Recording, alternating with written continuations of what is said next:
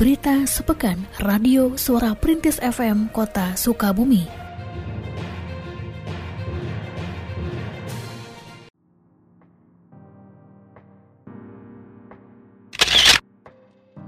Palang Merah Indonesia PMI Kota Sukabumi membentuk 10 posko kesehatan dan menyiagakan 100 orang relawan yang akan bertugas pada masa Idul Fitri 1442 Hijriah. Memastikan kesiapannya, PMI Kota Sukabumi melaksanakan apel siaga lebaran pada hari Senin 10 Mei 2021 di markas PMI. Apel siaga tersebut dipimpin langsung oleh Wali Kota Sukabumi, Ahmad Fahmi. Wali Kota dalam amanatnya menyampaikan bahwa berbagai arahan dari pemerintah pusat mengenai kondisi COVID-19 masih menjadi dalam penyelenggaraan Idul Fitri. Ia mengharapkan dengan adanya posko PMI dapat memberikan edukasi kepada masyarakat agar mau menerapkan berbagai langkah pencegahan penyebaran COVID-19, di antaranya dengan mengurangi mobilitas. Sementara itu, Ketua PMI Kota Sukabumi, Suranto Sumawiryo, menjelaskan bahwa pendirian posko adalah dalam rangka mendukung kegiatan pemerintah beserta pihak berwenang lainnya agar Idul Fitri bisa berjalan aman, nyaman, dan tentram. Sedangkan relawan yang diperbantukan, yakni relawan Sibat, Palang Merah Remaja, dan TSR atau Tenaga Sukarelawan.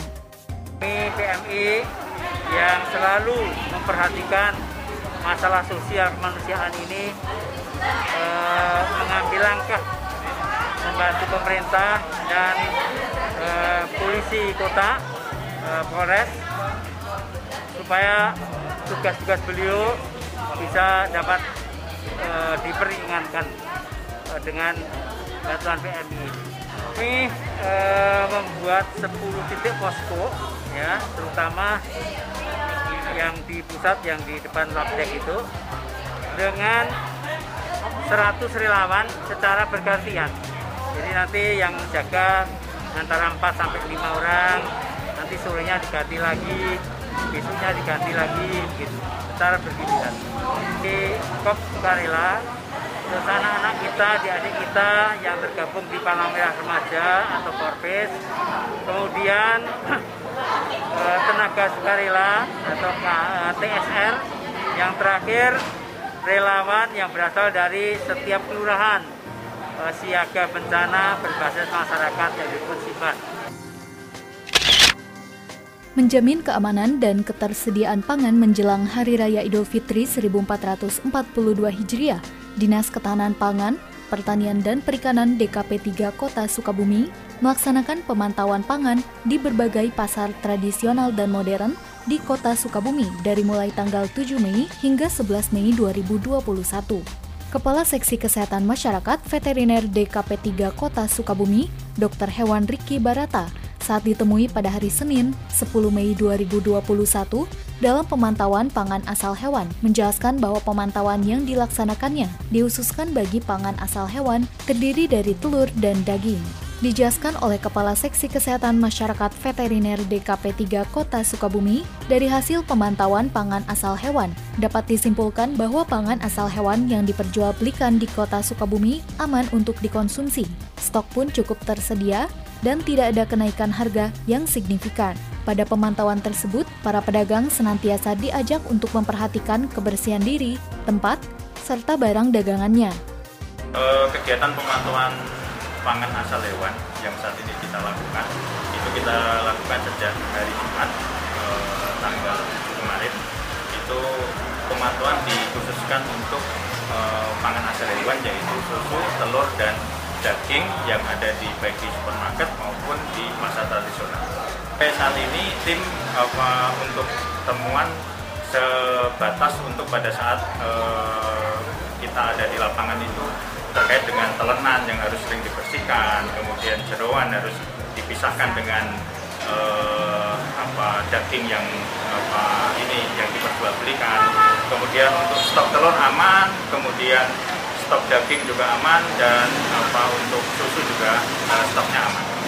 Ini harga kisaran antara 120 sampai apa sampai 140 itu apa tergantung dari apa e, jenis dagingnya. Jadi masih kisaran dari kisaran harga normal. Palang Merah Indonesia PMI Kota Sukabumi menggelar kegiatan sosialisasi keluarga aman dan tangguh kuat untuk masyarakat pada hari Selasa 11 Mei lalu di SLB Negeri 1 Kota Sukabumi. Sosialisasi ini dilaksanakan sebagai model pendekatan dalam upaya penguatan kapasitas dalam kesiapsiagaan bencana gempa bumi di lingkungan keluarga. Lurah Baros Budi Ruswandi mengatakan bahwa sosialisasi ini sangat dibutuhkan di lingkungan keluarga karena dapat mendorong setiap anggota keluarga selain memiliki kesadaran penuh atas resiko, kerentanan, dan kapasitasnya dalam upaya kesiapsiagaan bencana khususnya gempa bumi. Sementara itu, salah satu relawan Sibat, Widaningsih mengatakan, kegiatan ini diikuti peserta sebanyak 25 orang yang terdiri dari ibu dan anak dari Kelurahan Baros. Kita Persibat Kelurahan Baros hari ini melakukan sosialisasi tentang keluarga aman dan tangguh yaitu kuat. Di sini kita e, bersosialisasi kepada keluarga bagaimana cara menghadapi gempa yaitu dengan cara melakukan 4B yaitu pertama berlutut, berlindung, berdoa dan setelah gempa reda kita keluar ya mencari jalur evakuasi untuk aman.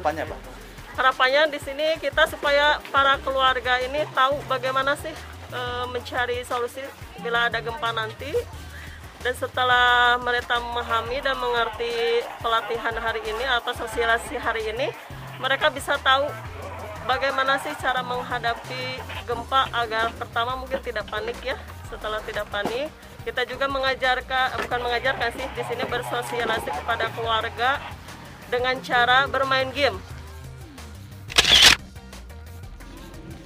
Lima perkumpulan Tionghoa yakni Paguyuban Sosial Marga Tionghoa Indonesia, Perhimpunan HK Indonesia Cabang Sukabumi, Fuking Sukabumi, Yongchun, serta Perhimpunan Inti Sukabumi menggelar bakti sosial dengan menyalurkan bantuan untuk 34 panti sosial di kota Sukabumi pada hari Selasa 11 Mei lalu. Ketua Panitia Kegiatan Hasan Ihsan menyebutkan bahwa bantuan yang diberikan terdiri dari beras, telur, dan santunan uang. Ditandaskannya, kegiatan ini rutin diadakan untuk membantu warga yang membutuhkan. Sementara Wali Kota Sukabumi Ahmad Fahmi yang memberikan sambutan dalam kegiatan tersebut menyampaikan apresiasinya kepada lima perkumpulan Tionghoa karena bantuan ini merupakan salah satu wujud kebersamaan dan kekeluargaan. Kegiatan ini adalah kegiatan yang digagas oleh lima perkumpulan Tionghoa Sukabumi. Semangatnya adalah semangat berbagi kebahagiaan, semangat kebersamaan, sehingga harapannya di hari-hari terakhir menjelang Ramadan kebahagiaan. Wali Kota Sukabumi Ahmad Fahmi menyampaikan rasa terima kasihnya kepada seluruh masyarakat yang telah menaati peniadaan mudik pada Idul Fitri 1442 Hijriah. Wali kota menandaskan bahwa peniadaan mudik merupakan salah satu ikhtiar mengakhiri pandemi. Demikian disampaikannya saat memberikan sambutan dalam pelaksanaan sholat Idul Fitri di Masjid Agung Kota Sukabumi hari Kamis 13 Mei 2021. Wali kota juga menyampaikan rasa keprihatinannya atas penindasan yang tengah terjadi kepada bangsa Palestina.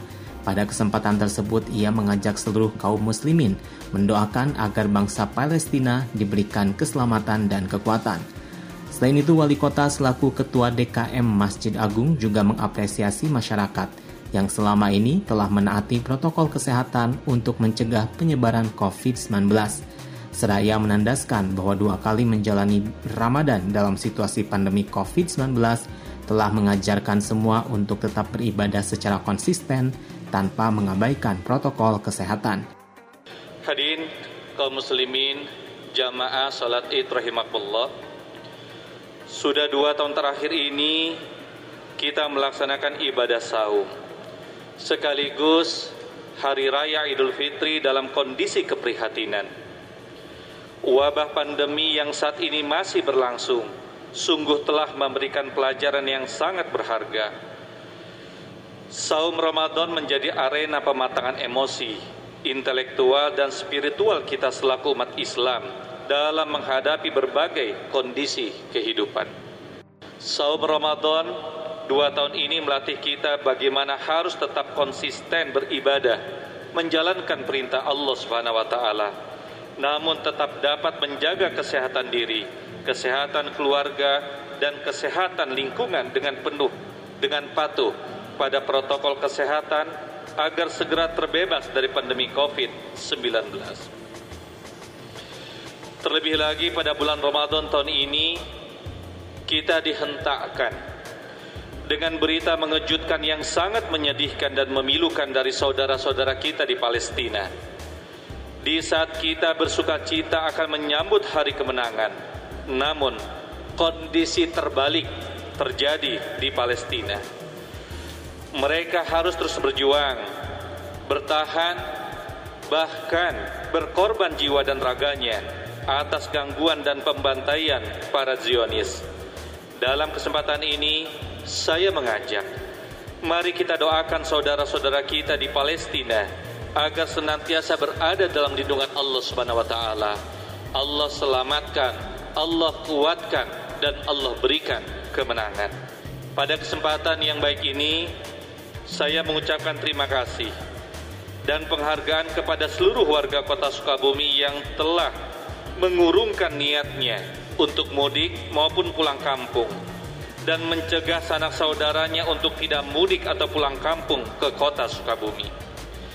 Ini semata sebagai ikhtiar kita agar segera terbebas dari pandemi COVID-19 agar kita memutuskan penyebaran virus dan usaha kita untuk tetap menjaga seluruh keluarga dan warga sehingga tidak terjadi lagi kasus-kasus klaster penyebaran COVID-19. Saya juga ucapkan terima kasih kepada seluruh warga kota Sukabumi khususnya para jamaah sholat idul fitri yang patuh dan disiplin dalam menjaga 5M, selalu memakai masker, senantiasa menjaga jarak, rajin mencuci tangan, menjauhi kerumunan, dan membatasi mobilitas. Serta atas segera upaya warga masyarakat yang bersama-sama pemerintah daerah mampu menjaga keamanan, ketertiban, kenyamanan, kebersihan kota, sekaligus mendukung berbagai agenda kegiatan pemerintah dan pembangunan. Berita sepekan Radio Suara Perintis FM Kota Sukabumi.